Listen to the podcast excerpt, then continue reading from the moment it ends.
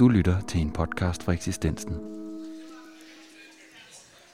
God aften, og hjertelig velkommen til det, der vel egentlig var tænkt som en bog-release. Men, øh, men nu er det alligevel et stykke tid siden, at, at bogen er kommet. Denne her, Det nye menneske af Dr. Teol og valgmenighedspræsten Niels Grønkær. Så, så der kommer til at ske mere end bare, at vi holder en bog op og siger, nu er der en bog. Vi får også et, et lille foredrag og en samtale om bogen. Niels Grønkær og professor i samtidsteologi, Nathaniel Gregersen, vil lige om lidt sætte sig herop, og, og du vil indlede, og så vil I altså diskutere bogen, og vi kan også få lejlighed til at diskutere den sammen. Og jeg byder velkommen både på vegne af Grundtvig og forladet Eksistensen. Og så giver jeg ordet til Nils Grønkær, der først lige vil introducere bogen, eller sådan kaste os lidt ind i, hvad det er, ærnet er, og derefter så har vi en samtale først mellem jer, og derefter er, er der mulighed for at spørge og diskutere. Værsgo. Tak, Ingrid. Og tak til dig, Niels Henrik, især fordi du vil drøfte mit ærne i bogen. Øhm, uden at jeg skal forudsdiskontere noget, så tror jeg faktisk, der er sket det, at øh, du og jeg nok har nærmet os hinanden gennem årene, men det er mest fordi, jeg har nærmet mig dig, tror jeg. Det kan være, at det kommer til at fremgå. Okay. Jeg har kaldt bogen Det nye menneske, og det er jo med et udtryk fra apostlen Paulus, der i sit brev til menigheden i Efesos skriver, at de skal afføre sig det gamle menneske og iklæde sig det nye menneske, så de bliver fornyet i ånd og sind. Nu står der i den, den nye aftale, altså den, hvad skal man sige, alternative, mere måske mundrette oversættelse af det nye testamente, øh, at de skal begynde at tænke på en ny måde. Og det er sådan set det, jeg ønsker med den titel. I det det jo altså ikke på nogen måde er en eksegetisk øh, bog, men en filosofisk bog, fordi det har været min hensigt at forsøge at gøre kristendommens sandhed gældende i relation til filosofiske tankegange, som er uomgængelige, vil jeg sige, i vores tid. Og øh, der er mange andre snit, man kunne have valgt, end dem jeg har valgt, men altså når man nu skal tænke på en ny måde, så er der jo noget gammelt, som man ligesom skal væk fra. Og øh, den gamle måde at tænke på, det var den, jeg selv var opvokset med, men som du nok allerede, da vi voksede op sammen, havde fjernet dig fra, og som jeg nu har fjernet mig fra, det er med et ord eksistentialismen, og det er undertitlen på min bog, Efter naturalisme og eksistentialisme. En måde at tænke på, som tror jeg godt, man kan sige, var det 20. århundredes religionsfilosofiske måde at tænke om menneskets forhold til verden, til Gud, til hinanden og sig selv på. Og det der med et ord kunne siges at være et ansatspunkt for den måde at tænke på eksistentialismen, det var, at menneskets fortrolighed med verden var brudt mennesket var egentlig fremmed i verden.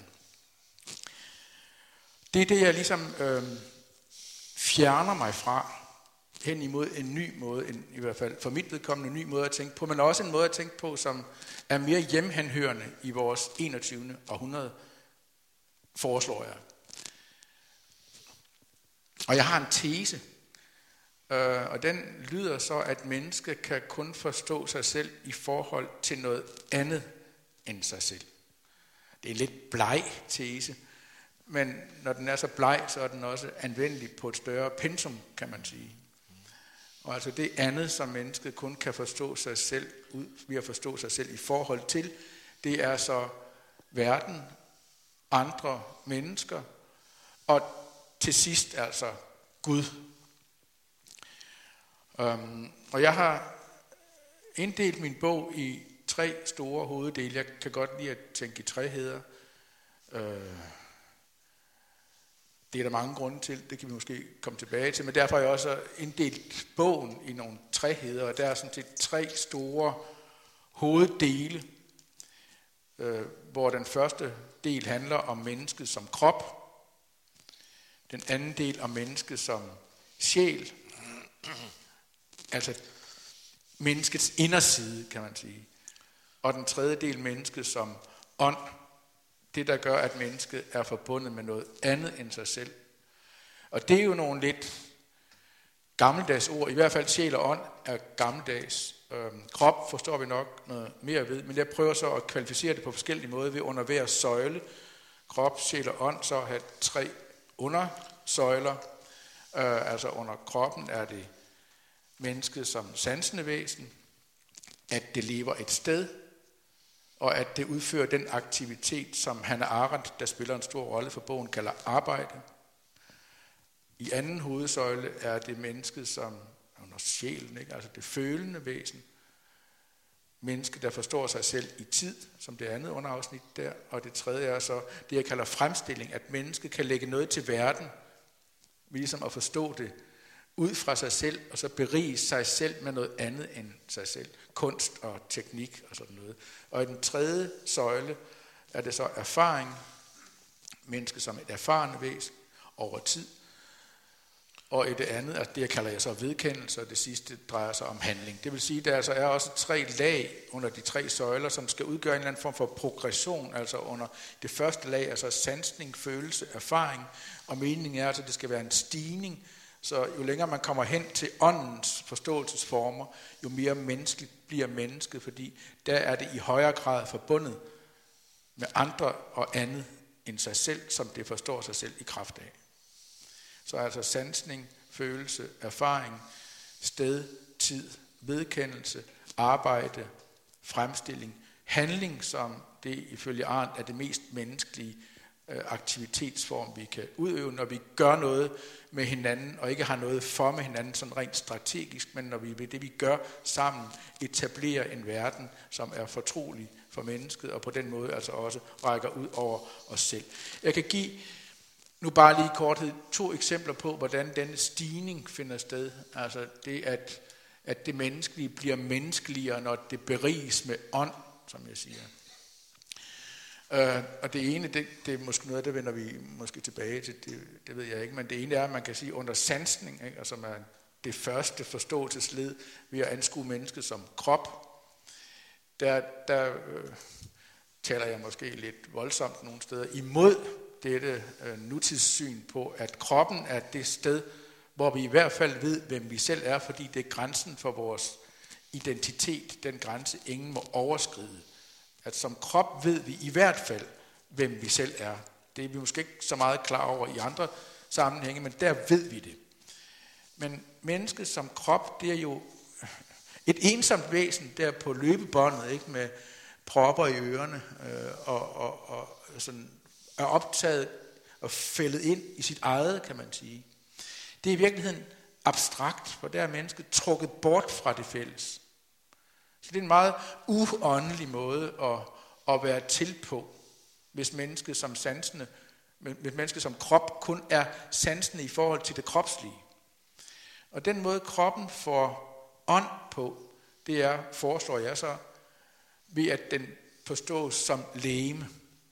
Der er forskel på at forstå kroppen som krop og på at forstå den som læme. For som læme kan det forbinde sig mennesket med andre end sig selv. Det kan fagne, det støder ikke nødvendigvis bare ind i andre kroppe. Det kan række hånden ud, det kan hilse, det kan slutte fred osv. Det er en måde at, at tænke om, om det sansende menneske på, som bærer kroppen i retning af ånd. Altså når det er en af en undertese, ikke? Når, når kroppen får ånd, bliver den til læme. Og noget tilsvarende gælder så i næste søjle, hvis vi nu tager det med følelse, ikke? altså indersiden af mennesket, sjælen er det følende ved mennesket. Men følelser kommer egentlig udefra. Det er måske upræcist at sige, at de vækkes, men de får en led i sig måske af, at man ser noget, som tiltaler en, eller måske frastøder en. Men følelser er ikke bare mine, de kommer sådan set også udenfra. Men når vi gør dem til vores egne, så abstraherer vi den fra det verdenslige, det fælles, og gør den til noget privat. For eksempel når vi reagerer umiddelbart på en stimulus, på en respons med aggression eksempelvis, så trækkes følelsen bort fra det fælles. Men, og det er så en tese under det, når, når sjælen får ånd, bliver følelsen til tanke.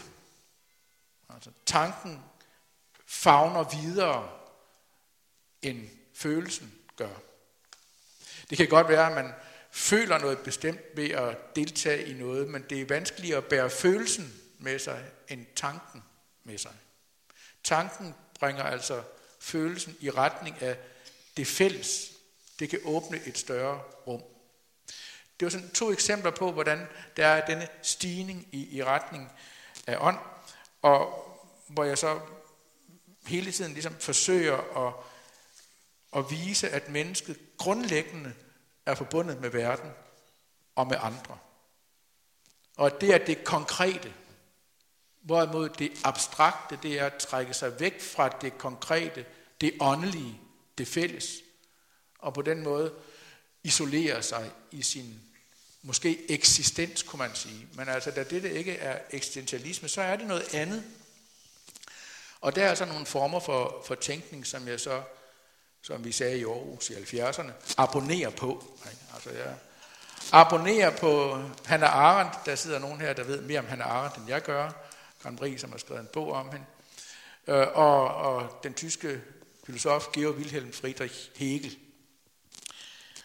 Og fælles for dem er, at de rodfæster mennesket i verden, at mennesket grundlæggende hører til i verden. At det ikke grundlæggende, som i eksistentialismen, har et brudt verdensforhold, men grundlæggende et fortroligt verdensforhold.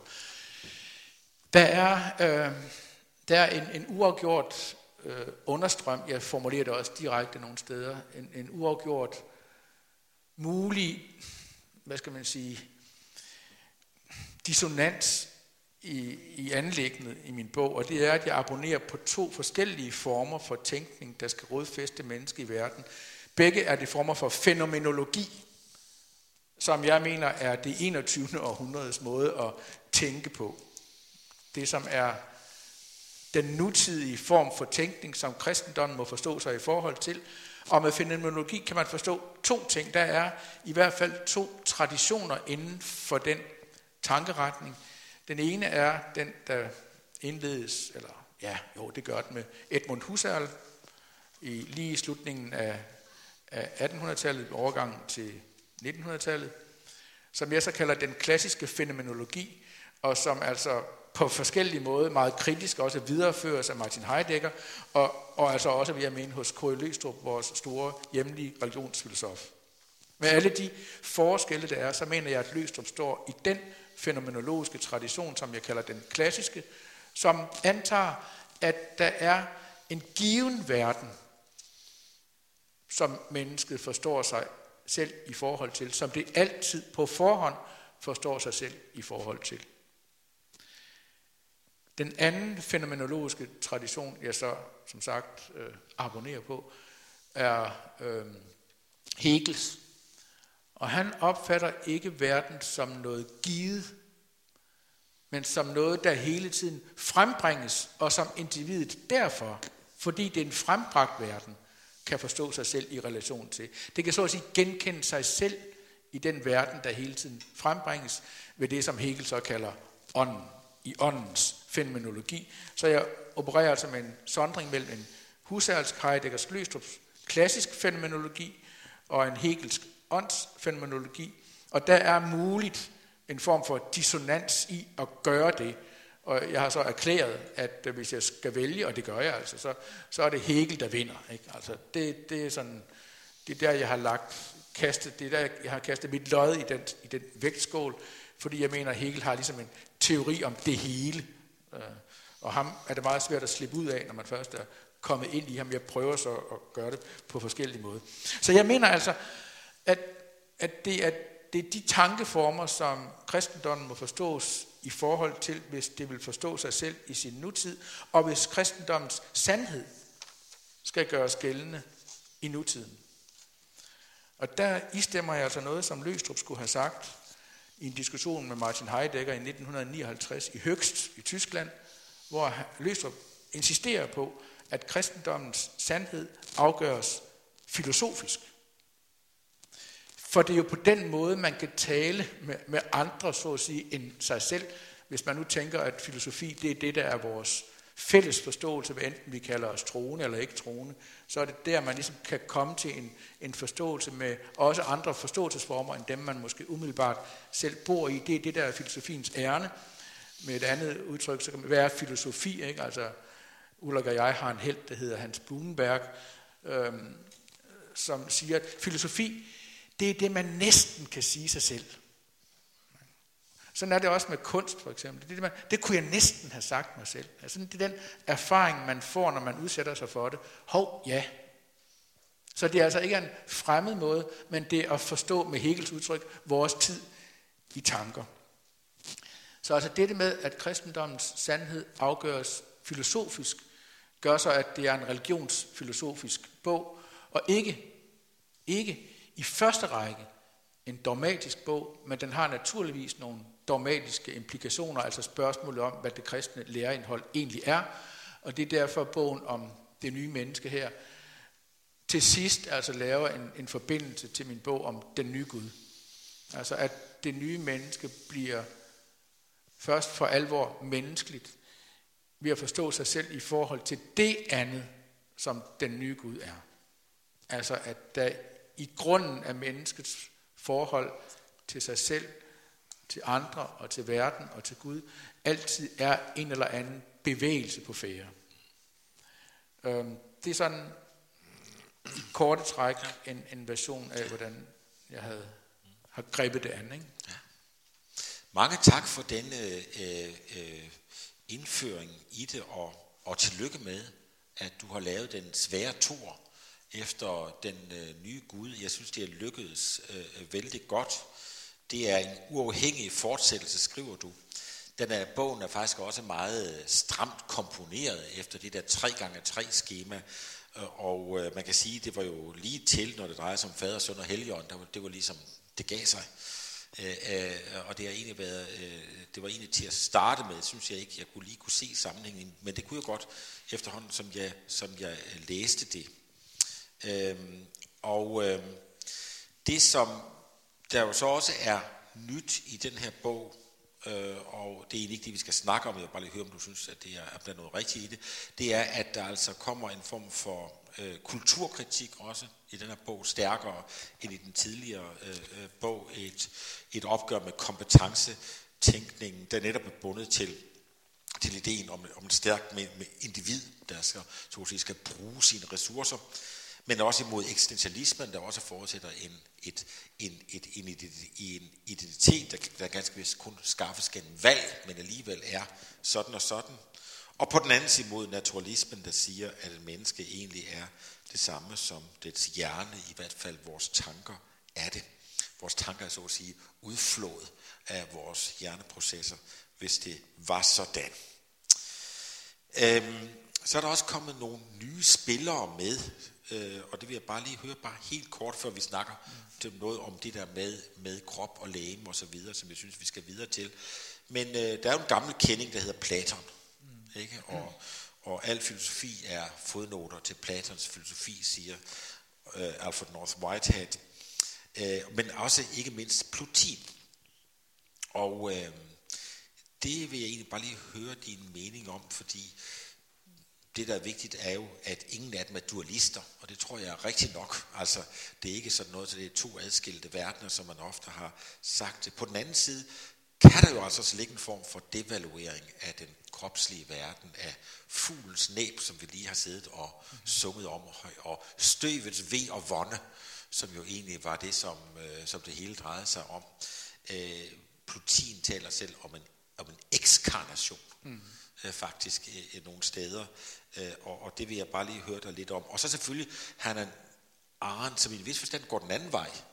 Fordi hun, han siger, at, fordi hun siger, at mennesker ikke fødes til at dø, som vi synger, øh, som vi også synger, men siger, at, at øh, vi altså har en, en, en fundamental natalitet. Vi fødes faktisk til at, at leve, til at der skal ske noget nyt øh, og, og det trækker ligesom i den anden retning, så, så det jeg egentlig vil spørge dig om, sådan, og, og det er egentlig ikke, øh, det er sådan helt overordnet, er det, er det ikke rigtigt, at Plutin sniger sig ind, og dermed også et god portion evighedstænkning og transhistorisk tænkning, som jeg mener også er forudsætning for den måde, som du egentlig øh, tænker på, øh, samtidig med, at der altså også ligger, og nu siger jeg det så altså kritisk måske også, ligger en fare for en ekskarnation, en, en, en nedvurdering af det, af det kropslige som kropsligt. Jo, det, øh, det er rigtigt, den fare er der nu. Jeg skal sådan lige sige, øh, det tror jeg også gælder din måde at arbejde på. Altså jeg, jeg refererer jo ikke sådan, hvad forskellige filosofer øh, siger, og så ligesom øh, tager hele pakken. Nej. Men jeg instrumenterer dem i forhold ja. til den tankegang, som jeg forsøger at gennemføre. Og der er det klart, der, der skærer man det til mere eller mindre hårdt i forhold til, hvordan det ligesom passer ind til det, jeg vil sige. Ikke? Altså, øh, og der er det nok rigtigt, at, at de tre, jeg sådan nævner, Hegel, Arendt og Plutin, så er Plutin den mest marginale. Øh, men nu, altså støvets ved at vonde, det er jo det, der skal rådes bod på, kan man sige. Ikke? Øh, og det gør Plutin så på sin måde. Det har bare været vigtigt for mig at sige, at der også i den platoniske tradition er en monisme, som altså ikke isolerer bevidstheden fra dens former, hvis man kan sige sådan. Ikke? Altså Plotins filosofi er en slags refleksionsfilosofi, hvor mennesket, øh, eller hvor bevidstheden, ånden, ligesom træder ud i noget andet end sig selv og vender tilbage til sig selv. Altså denne refleksionsfilosofi, bevægelsen ud og tilbage, giver en træhed, som er særlig for Plutin. Og det, man så skal gøre med Plutin, og som jeg kun underjordisk gør, det er ligesom at omdøbe ham til, at den tankegang skal løsrives fra den kosmologiske hierarkitænkning, som han ellers er indfældet i. Det giver selvfølgelig nogle lidt hårde bemærkninger om det kropslige i forhold til Plutins egen forståelse af det. Han kunne ikke, man måtte ikke male ham. Altså, han, han ville ikke kunne lide at gå på gaden og blive taget billeder af, eller fotos af, eller noget. Men, og han kunne heller ikke lide at tale om, hvor han kom fra, øh, fordi han vil ikke tale om alt det, vi taler Identitet, det vil han ikke tale om som noget, der bare ligesom er, men som noget, der hele tiden bliver til at udarbejdes. Men det er rigtigt, ja, altså, man kan godt sige, at, at det egentlig er, det, altså i stedet for Plutin, så er den tredje helt i bogen, udover Arendt og Hegel, det er Aristoteles. Det er egentlig ham, der er den, den tredje helt. Okay. Men, men det er nu bare som ja, ja. sagt som en ja, forsikring, ikke? Ja, ja. Fordi Aristoteles faktisk bringer bevægelsesbegrebet ind i tænkningens mm. midte med sine tanker om noget, der hedder intelligi, altså hvordan er menneskets, hvordan fuldbyrdes menneskets liv. Det gør det ved, at det lever lykkeligt. Ikke ved, at det er fuldendt lykkeligt, men ved, at det har fuldendelsen i sig på en ufuldstændig måde. Det kalder Aristoteles en slags stadig fuldbyrdelse, hvor bevægelsen hele tiden er i menneskets måde at være i verden på. Så Aristoteles burde egentlig have haft tredjepladsen, altså efter Hegel, som har førstepladsen, ja. og Arendt, som har andenpladsen.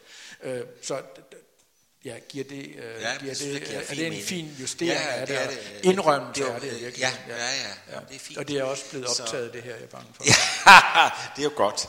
Så, jeg, øh, så vil jeg godt til det der med forhold mellem krop og sjæl, og også den skælden, du laver, og det er jo en gængs øh, skælden inden for fenomenologien, er i al tysk tænkning mellem øh, kørper, som er sådan det rent fysiologiske, kroppen i slagtermæssig forstand, havde jeg sagt, og så øh, leib som det levende, levede krop, den der så at sige, involveret i sin tilværelse.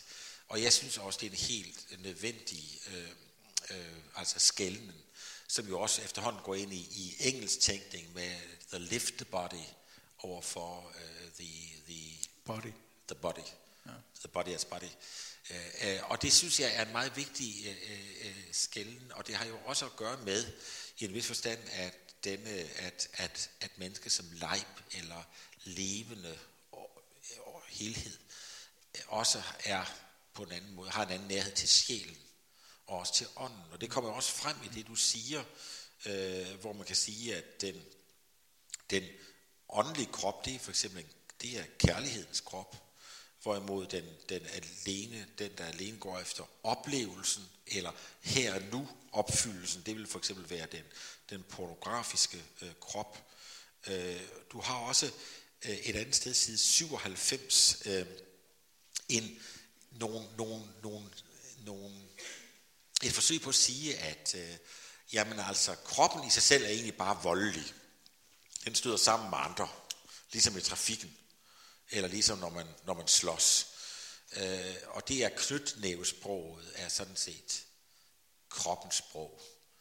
Hvorimod øh, for eksempel øh, øh det et, et, et, et, et øh, goddag og et velkommen og en, og en hånd, altså ikke sådan en lussing, men sådan en hånd, er egentlig udtryk for ånd, og for at man altså vedkender sig den, den anden og så videre. Og jeg kan sagtens se det, men, øh, men altså, der er altså, alt imens du tænker meget, så at sige, triadisk, og det vil sige altid med, at tingene de altså samles og forsones ud fra en splittelse. Så kan du også godt i mange sætninger, så at sige, have et sådan et ret sådan kontant modsatrettet sprog. Mm. Og nu vil jeg bare lige give dig et, et eksempel her. Efter at du har introduceret Waldenfels og andre, der taler om læmelighed. Jeg har været inde på de umiddelbare kropsreaktioners voldelige karakter. Knytnæveslag af kroppens voldelige, uformidlede sammenstød, der frastøder.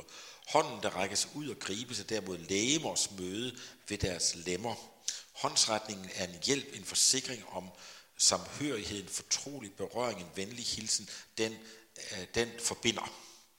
Øh, lægemet er kroppen, der har fået ånd, for ånd er det tredje, der forener de to. Og jeg er selvfølgelig helt enig i den forskel, men vi bliver jo bare nødt til at sige også, at også knytnæveslaget er jo også sjæleligt betinget. For eksempel af vreden, som du også skriver om senere hen. Øh, jeg vil også i, i Hegels retsstat, mm. der er det jo også sådan, at der har man jo sådan set, jeg, jeg, jeg har næsten ikke lyst til at tale om det her, hvor vi ellers har det så godt, vi har, men vi har jo sådan set et retssystem, og vi har politi, og vi har militær. Og selv det er jo også noget, der skal så at sige, håndteres med ånd. Nemlig med retfærdighed og sandhed. Jeg tror næsten, der står der med ovenpå højesterettens øh, bygning. Nu kan jeg ikke huske det helt. Lov skal... Vel, står der kun ved lov skal ja, det, det, Vi kan godt ja, det, er lidt, ja, det var lidt, øh, det var lidt træls. Ja. Det, var ikke, det er ikke nok. Vel, altså, men altså, det drejer sig også om sådan noget som retfærdighed, ikke? Og, og det vil sige, at der er også noget, man må sige stop over for. Der er nogen, man burer ind et liv, fordi de har gjort noget, man, øh, og, og så videre, så videre.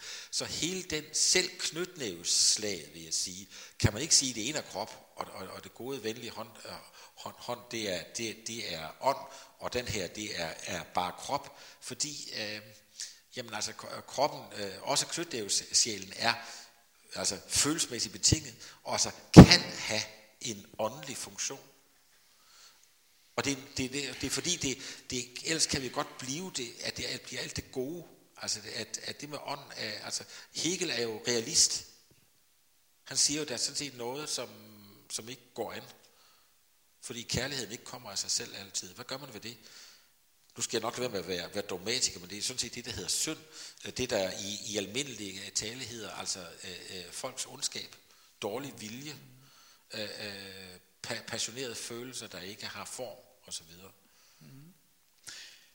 Men det skal de jo få. Altså Hegels retsstat er jo også lavet for, at disse kroppe skal kunne leve sammen. Øh, og nu har vi ikke længere øh, straf på kroppen, vel? Altså, nej, vi, nej. vi har ikke slag som straf. Nej. Vi burer folk ind, og man må ikke længere, det skriver vist også, torturere øh, fanger og så videre. Så, så der er en form for straf, vi, vi ikke længere. Men, men det gælder jo om, at disse kroppe skal kunne omgås hinanden, og at, øh, som der skal rådes ud på støvs, ved og vonde, så skal synden også gerne ligesom inddæmmes. Og, og derfor så har man retssystemer, mm som er en funktion i Hegels retsstat af åndens virke i, i, i, i fællesskabets tjeneste. Netop. Altså derfor, det er vigtigt, at vi har de her anonyme institutioner, ja. ikke? Altså at den ligger lige her om retten, ikke? Og Christiansborg er anonym, den, den rejser sig sådan set som en slags bygning, vi ikke rigtig har adgang til, og politigårdens facade, den vender ind af, ikke? Altså dernede, ikke? Det er ligesom uh, Carpaccio, Villan i Carpaccio, ikke? Der, facaden vender ind ad, ikke? Det vil sige, de er, der er noget, noget anonymt ved den, netop for det fælles skyld. Ja. Og, og vreden, vreden er jo også det, der ligesom skal afhjælpes. Ikke? Jeg har læst en sætning hos Martha Nussbaum her, jeg fandt en bog af hende i New York i, i sidste måned. Altså, vreden er det afmægtige forsøg på at opnå kontrol. Men det er et afmægtigt forsøg. Ja, helt sikkert. Altså, det er jo ikke fordi, jeg nu synes, at vi, vi skal have nogle flere knytnæveslag øh, øh, eller mere vrede. Jeg vil bare sige, at, at før vi så at sige kommer til, altså man kan godt tale om ånd på en lidt for, for rar og venlig måde, som om man så at sige er inde i, uh, inde i det, uh, i det altså uh, ægteskab og parforhold fylder ikke hele tilværelsen ud, og heller ikke hele samfundet ud. Men det kommer frem et sted til mere på teologisk niveau, Nej, lad mig lige tage et til, som jeg lige vil spørge dig om, fordi mm. du laver også omkring ånd en, en, en, synes jeg, en meget vigtig skælden også mellem anerkendelse og vedkendelse. Også fordi anerkendelse, vi har vi haft hele den her store diskurs, det er et begreb, der kommer fra Hegel, og, og som så øh, øh, øh, øh Honneth har taget op, og andre, og Charles Taylor osv., men hvor det så er tanken er den, man skal, man skal kunne anerkende det fra sig selv øh, forskellige. Ikke? Andres identitet. Og så kan jeg godt lide det greb, du, du, du, du gør og sige, jamen altså, hvis vi, vi bare går rundt og siger, at jeg er god nok, og du er god nok, og, og, og du har din identitet, jeg har nu min, så har vi egentlig ikke noget med hinanden at gøre. Så derfor drejer sig i stedet for om denne vedkendelse, denne velkomst af den anden. Men selv der tænkte jeg bare på, da jeg læste det, øh, øh og, og øh, det er, at øh, det er også et, et tredje begreb, som er lavere end både anerkendelse og vedkendelse, som hedder tolerance. Ikke? Så det vil sige, der er folk, vi tolererer, selvom vi faktisk ikke kan lide dem. Altså, vi kan jo ikke vedkende os alting. Altså ude på Nørrebro er der ikke, at bebyggerne, beboerne derude kan ikke vedkende sig alting. De siger ikke, at vi skal også have, have pusher, og skal også have lov til at være her, eller loyal to familie skal også have lov til at være. Det er måske nogen, der siger. Men det er, altså, det er sådan set hele den der forståelse for, at der er noget, vi, vi tolererer, uden at kunne vedkende os det. Og jeg mener egentlig, det hører med til et åndeligt liv også, at tolerere nogen, man ikke er enig med, og måske ikke engang kan lide. Det er dannelse, i det mindste. Jeg tror faktisk, Hegel vil give dig helt ret i det. Ikke? Altså nu, tolerance, det er jo, som også Bo Bredstorff og Lasse Horne Kjeldgaard for nogle år siden ja. sagde, det er, tolerance det er at leve sammen med dem, vi ikke kan lide. Ja. Ikke? Eller dem, vi hader sågar. Ikke? Altså det, det, det er egentlig det. Det er derfor, vi lever i et tolerant samfund. Ja. Ikke? Det er ikke, fordi vi, vi kan lide dem, det er, fordi vi ikke kan lide dem, at vi tolererer. Ikke? Øhm, ja, der er forskellige former for menneskeligt samliv, som også indebærer konflikt. Mm. Og det mener jeg ikke Hegel går i vejen for at se. Tværtimod, han uddyber konflikten egentlig til så langt som at sige, at også det, der er fremmed, hører egentlig til mig, fordi min selvforståelse er afficeret af, at der er noget, der ikke er mig. Øh, og, og dermed flytter splittelsen ind i vores egen bevidsthed, som noget, vi er nødt til undskyld, at arbejde med, ja. øh, og forholde os til, og ikke bare skubbe fra os. Og Kegels åndsbegreb, det er altså ikke en eller anden småborgerlig øh, fredsslutning, der bare ligesom ser igennem fingre med det der ubehageligt. Det går faktisk helt til bunds i, i konflikterne. Det kan vi det måske også det. komme... Ja. Det ved ikke, om du har tænkt, at vi, når jo. inden det her helt regner ud, øh, skulle snakke om det, det teologiske. Jo, det, det ved jeg ikke, om det, det er måske lidt tidligt. Jeg ville. Allerede nu? Ja. Ja. Ja. Nej, ja, det ved jeg ikke. Nej, det bestemmer du jo. altså, jo, men altså, vi kan sige det, at, at, at Øh, altså, øh, normalt, de ting, jeg nu sidder og siger til dig, det er jo noget, som også folk tit siger til mig. De siger tit, Niels Henrik, hvor har du egentlig, hvor har du egentlig ondskaben og, og synden, og hvad ved jeg, inde i din tænkning. Så jeg er, er jo djævelens advokat her, men det er jo fordi, jeg er interesseret i det. At, egentlig, at få givet det et eller andet form for udtryk, fordi det jo ikke er så nemt og jeg er bange for en lidt for glat øh, tale om ånden øh, øh, og, som, og om det absolute. Og du siger jo også selv, at vi kan i hvert fald ikke øh, have den adgang til det absolute. Jeg kan jo også godt lide, hvis jeg lige må sige det, at du er meget mere, øh, at du er mere, øh, hvad hedder det, bevidst om, at, at Gud er tænkelig, men at vi ikke har en viden om Gud som du altså sagde, altså der er lidt mere, der er lidt mere så at sige, sans for, at øh, det er den, vi i virkeligheden ikke kan forstå, det er os selv. Øh, øh, men, men det der citat af Hebbel, som jeg synes er virkelig godt, som du har på flappen af indersiden, mm.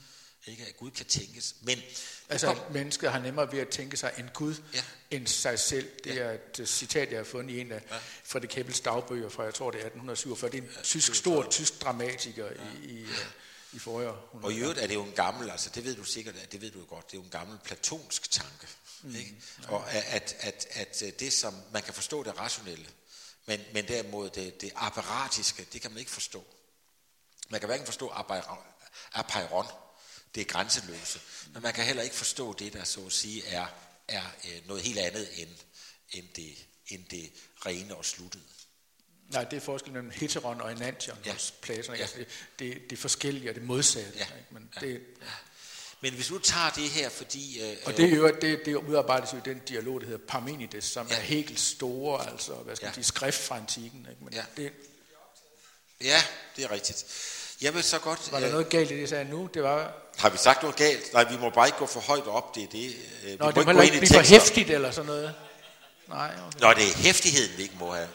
Okay, det vil jeg godt. Men ellers der er jo rigtig meget, jeg gerne ville, ville have, have fat på. Men, men må, jeg, må jeg lige tage, tage fat på noget, som jeg faktisk ikke ved, øh, som jeg ikke helt forstod, øh, men som er meget vigtigt, og, og igen et sted, hvor jeg egentlig heller ikke selv ved, hvad jeg egentlig øh, vil sige.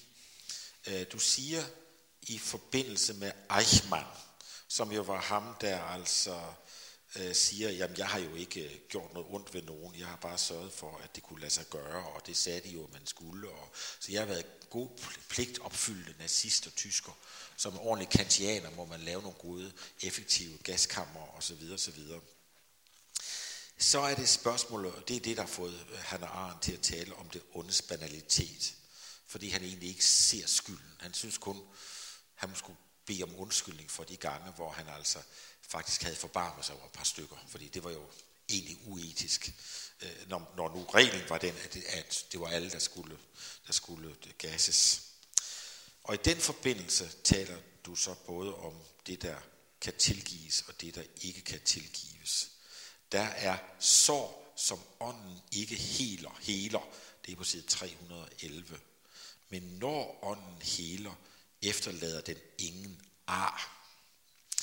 Og det sår, som ånden ikke heler ud fra den foregående side, er Eichmanns tankeløshed.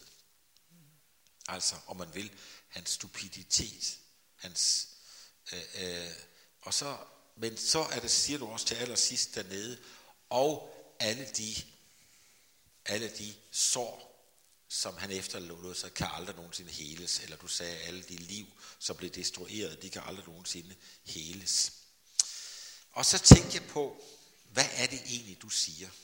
Altså, er det utilgiveligt, at Eichmann altså er tankeløs, stupid, dump, dump overfor, ufølsom over for det, han gør? Øh, eller er det, at han har gjort så store offer, at de ikke kan repareres igen, at der heller ikke kan være et, øh, et evigt liv eller en genoprejsning? Øh, og, og det vil jeg egentlig bare, fordi jeg kunne ikke se det ud af okay. sammenhængen. Og det er alligevel et ret neuralgisk ja, punkt, ja. fordi det har at gøre med det her med, øh, med øh, øh, det her med, hvad tanken betyder ja. for dig. Det er handlingen, der ikke kan, kan tilgives. Det er det, han gør. Ja. Altså, det er jo, det er jo et, i hele den del af bogen, der forlægger jeg, øh, så at sige, det grundlæggende, altså det ontologiske det, som alting er, når det bare er, hvad det er, øh, fra at være have et spørgsmål om identitet, om, til at have med handling at gøre. Jeg går fra identitetens ontologi mm. til handlingens ontologi. Så det er handlingen. Det, som, øh, det, som jeg borer i der, og jeg, jeg kan ikke sige, om det lykkes, altså, men det er at forstå øh, Eichmann sammen med en sætning hos Hegel. Ikke? Altså, Hegel siger øh, flere steder, at øh, der findes noget, som kan gøre det gjorte ugjort. Det siger Arendt også flere steder, ikke? og uden at hun indrømmer det, eller medgiver det, eller, så tror jeg, hun har det fra Hegel. Hun, der, er noget, at der, der er noget, der kan gøre det gjorte ugjort. Altså der er forsoninger, der kan gøre vores svigt og vores brutalitet til intet. Altså der er noget, der kan tilgives, og når man tilgiver noget, der er gjort, så gør man egentlig det, som tilgivet, som det der, den synd, altså bruge det, den skyld, den imputabilitet, som ligger bag det, øh, som man har udøvet, så bliver den egentlig til intet gjort. Når skylden tilgives, så er skylden ikke længere. Altså tilgivelsen kan gøre det gjorte ugjort. Når vi siger til nogen, der vil tilgive, det siger vi faktisk, det gør ikke noget. Det siger vi. Hvad betyder så det? det? Det tror jeg måske godt, man kan komme hen i nærheden, også teologisk, og, og, og acceptere. Ikke? Altså, at når synden er tilgivet, så findes den sådan set ikke. Nu lad os, lad os, lad os ikke tale for meget om Luther mere i år, nej, men, altså, nej, nej, men, lad, nej. men så har Hegel en sætning, der er, er, er oprørende. Ikke? Han, og den citerer du så. Altså, åndens sår heles, og der efterlades ikke nogen ar. Er det overhovedet tænkeligt?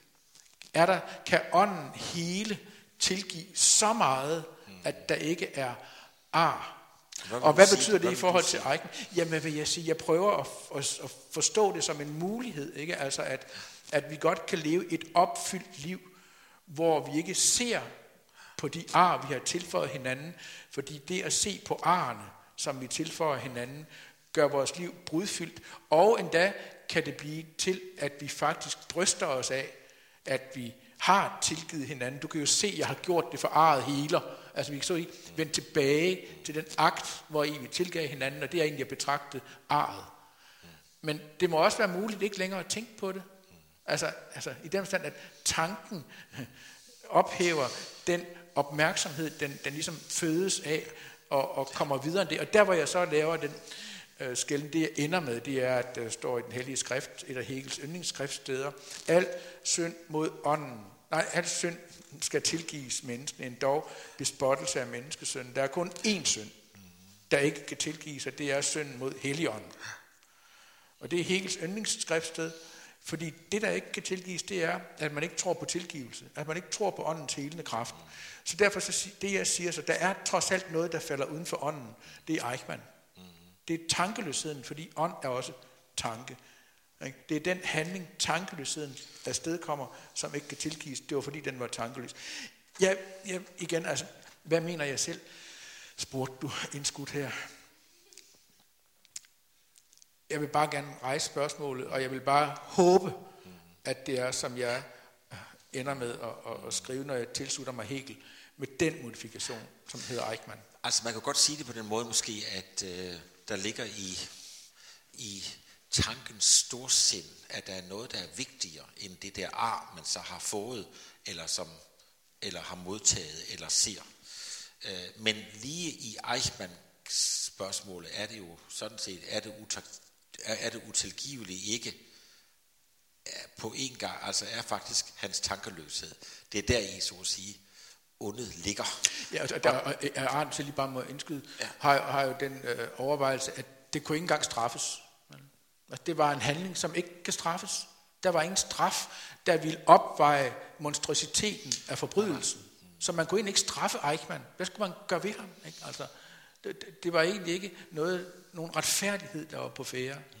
Altså, altså, altså der, der mener jeg det samme som Knavsgaard. Det måtte ikke være sket. Nej, det er fint. Godt. Øh, nu ved jeg ikke, hvor meget tid der er tilbage. Øh, er der 5 eller 10 minutter, eller hvad? Er der 5 minutter? Okay. Jamen, så vil jeg bare lige have egentlig fat i det med følelse og tanke. Øh, fordi øh, der er jo en tilbage til noget, og, og det, jeg, lod, jeg tænkte på det, da du indledte selv. Du siger, at tanken fagner videre end følelsen. Og det kan jeg godt forstå, hvis man er i sin følelsers vold så er det fordi, man netop mangler det der vidsyn, eller der så kan blive til storsind eventuelt øh, på en anden måde. Men øh, samtidig vil jeg så sige, og det er ikke, øh, det siger jeg på egen øh, regning og risiko, så at sige, at jeg synes også, at det må siges, at vi også lever dybere, end vi kan tænke. Altså, at der i vores øh, øh, følelsesliv og i vores relationer til hinanden foregår rigtig meget, som vi overhovedet ikke kan fatte med tanken. Øh, vi lever på et dybere niveau, end vi tænker, ville min næsten modtese være, men det er ikke sikkert, det egentlig er en modtese, hvis man først tænker det over. Men i hvert fald, jeg, øh, fordi jeg er enig i, at, at tanken kan fagne og give det der, det der, øh, det der bredsyn, og at man ikke ligesom er fixeret på et eller andet fuldstændig. Men jeg tror øh, altså også, at der ligger en stor kompleksitet, som faktisk også ligger i det her Hebbel-citat, som siger, at øh, mennesket har lettere ved at tænke sig en Gud end sig selv. Og det tror jeg måske, fordi mennesket i en vis forstand er mere kompliceret end, end vor Herre. Hvis vor Herre er, så er Gud. Så er, så er mennesket mere kompliceret. Og jo. Gud er mere ren og sådan klar. Ja, ja. Ja, jamen, det er rigtigt. Men det, men det er også, fordi vi har afstanden. Ikke? Altså, det, er også, det er også det, Hebel spiller på. Det er afstanden. Det, altså, det, det, var det, jeg skrev i min forrige Altså, at, øh, hvis, nå, at, at Gud er, altså, det er til forskel for religion, ikke? så er det meget, altså, religionsvidenskab har jo ikke rigtig nogen bestemt genstand, men det har teologien, og vi ved, hvad vi taler om, eller vi ved i hvert fald, hvad vi skal forsøge at tale om. Mm. Det er jo så også det på den måde, Hebel mener det, men at det er derfor mere kompliceret, fordi man ikke har den afstand. Men vil du, altså ligger der i dit spørgsmål også, at når vi lever på en dybere måde, end vi kan tænke, at det så er følelsesmæssigt? Er ja. det en følelsesmæssig ja. verdensforbindelse, eller ja. forbindelse med andre, ja. som er dybere end tanken? Ja. Er det det, det, det ja. du... Og der tror, jeg tror faktisk, vi er uenige her. Det, Nå, jamen, det er jo... Og det er jo også godt en gang imellem. Men, altså, men, men jeg vil så sige, at øh, det kommer også igen an på, hvordan man definerer tanken. Ja. Fordi hvis man definerer tanken på den der, øh, altså der vil jeg alligevel sige, den der, øh, øh, hvad enten det er med Husserl, Heidegger eller, eller med Hegel, så er det alligevel sådan noget compre, comprehensive noget, øh, hvor jeg faktisk mener, at der ligger en form for følelsesmæssig forviklethed, som ikke engang kun er af det onde, men faktisk også er noget øh, smukt og hemmelighedsfuldt. Mm. Det kan godt være, at Gud også er skjult for os, men det er vi egentlig også. Vi er egentlig også skjult for os selv i vores liv med hinanden. Øh, og det, det er, vil jeg faktisk mene, at vi også har erkendelsesformer, og nu må du ikke stejle fuldstændig, men jeg mener, vi har, øh, at der også findes en intuition, en intuitiv erkendelse, som slet ikke er filosofisk, men før filosofisk, og før teologisk, vil jeg bare sige, mm. før dogmatisk. Øh, og øh, det, der mener jeg ikke sådan en sjette sans, eller sådan noget, noget, noget, noget, plingplang-agtigt noget, men simpelthen det, at man ved at have levet, det er tæt på det, du kalder erfaring faktisk, ved at have levet igennem nogle bestemte forløb mange gange med sine børn, så kan man måske også forstå sine børnebørn. Øh, øh, og, og, øh, øh men, det er, men, men, men man gør det ud fra en, en stykkevis erkendelse, hvor man, man alligevel har, så at sige, en fornemmelse af en større helhed, uden at kunne pinde den ud eller klarlægge den i tankens form. Ja, du vil mene, der, der er noget, som øh, ikke forklares, altså i den grundviske og hegelske betydning af ordet, forklares i, i tanken. Der er noget ved følelsen, der ikke kan forklares i tanken. Nu, nu er, er ånd jo ikke kun tanke, men er ophævelsen af de forskellige vidensformer. Og ja, øh, altså jeg, jeg skærer det jo til, fordi jeg har nok måske lidt begrænset, i hvert fald i, i tankeføringen, ja, begrænset forståelse af, hvad følelser er, fordi jeg interesserer mig måske ja. mest for den, de skadevirkninger, ja, ja, de afsted kommer imod fællesskabet. Ja. Og, og, og fællesskaber, der kun beror på følelser, ja. kan være farlige. Ikke? Det har vi set i det 20. århundrede. Altså, de kan ikke hæve, vi ser det måske nu igen, ikke den impulsive reaktion, som er den negative version af følelsen. Jeg ved godt, det er det, du taler om. Øh, altså nu, jeg så slutter jeg i min bog med at sige, altså nu det er så i forhold til, til, vores, til hvad, hvad tro er for noget. Ikke? Altså, øh, at det kan godt være, vi, vi kan opleve, øh, hvad tro er. Ikke? Altså, det, altså, hvis du har sansningen, ikke? Altså, det, der er jo ingen, der har set opstandelsen. Nej da. Og det er meget vigtigt for evangelisterne, at... Øh, der er heller ikke, der er tænkt det. Jo, det har Hegel i hvert fald. Altså, jo, fordi altså, altså opstandelsen, hvad, hvad er det for tanken? Det er det samme som det, det er øh, for troen, at opstandelsen er, at alt det negative annulleres. Ikke? Det er negationens negation, som Hegel siger. Det, det, det, det er den begrebslige forståelse af det, som hos Hegel hedder opvækkelsen fra de, øh, som, hedder, som forestillingsmæssigt hedder opvækkelsen fra de døde, eller opstandelsen fra de døde, hvordan man nu betoner det. Der kan forestillingen godt blive, fordi der kan den forstås i forhold til noget andet end lige det teologiske. Hvad vil jeg sige med det? Jo, altså, man kan, man kan, man kan mås- der er ingen, der har sanset opstandelsen. Eller, og vi kan måske også godt føle storheden af budskabet. Men også når vi ikke kan føle det, er det sandt. Ja, ja. Det er sandt for troen, og vil jeg så sige, for tanken. Ja?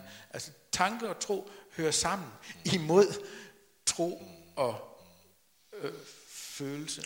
Nej, det, det nu skærer men det hårdt ud, men det, det er Hvis lidt... jeg, det hvis jeg lige må, må komme, fordi det er egentlig det, jeg sådan set var lidt efter med de der ar der. Og jeg har, det er ikke fordi, jeg sidder med eller andet mere viden, nu ved jeg, hvordan det skal gøres, og så videre, så videre.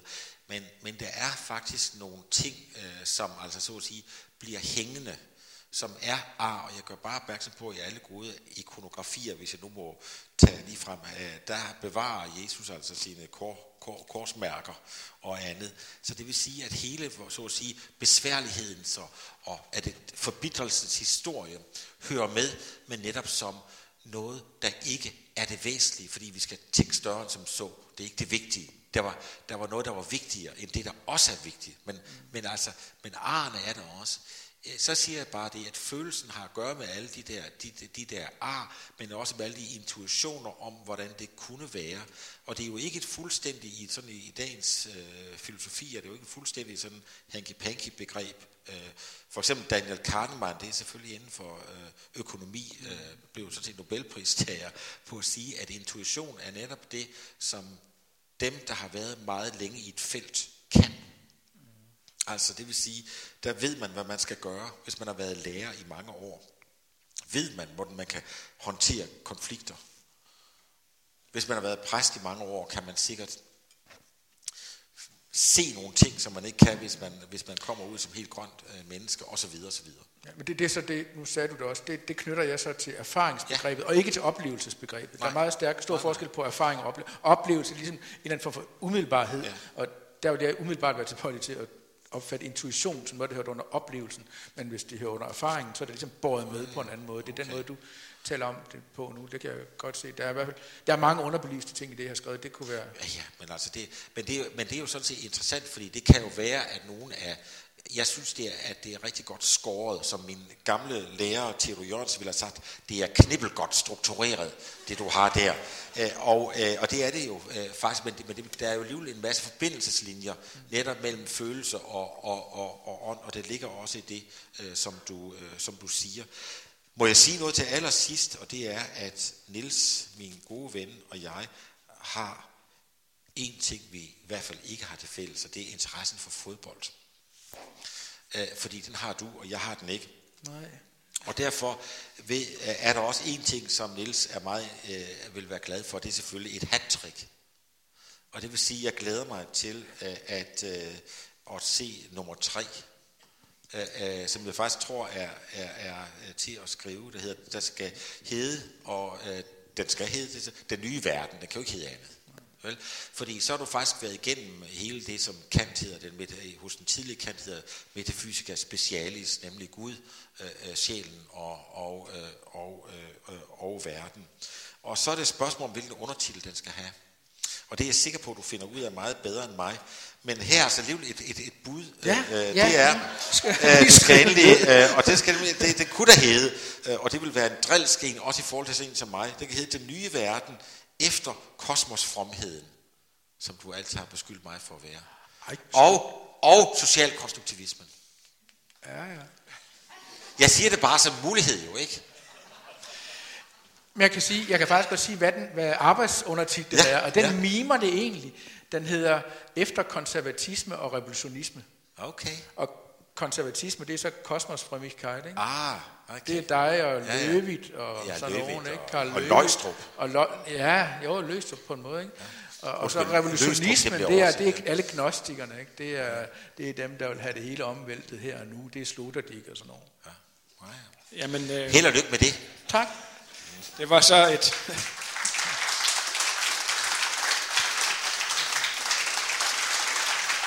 Tak for det, Niels. Et, øh, et fint lille reklameindslag for en kommende bog Nå, til sidst. Tak. Og i øvrigt vil jeg gerne sige tak til jer begge to for en fantastisk spændende samtale.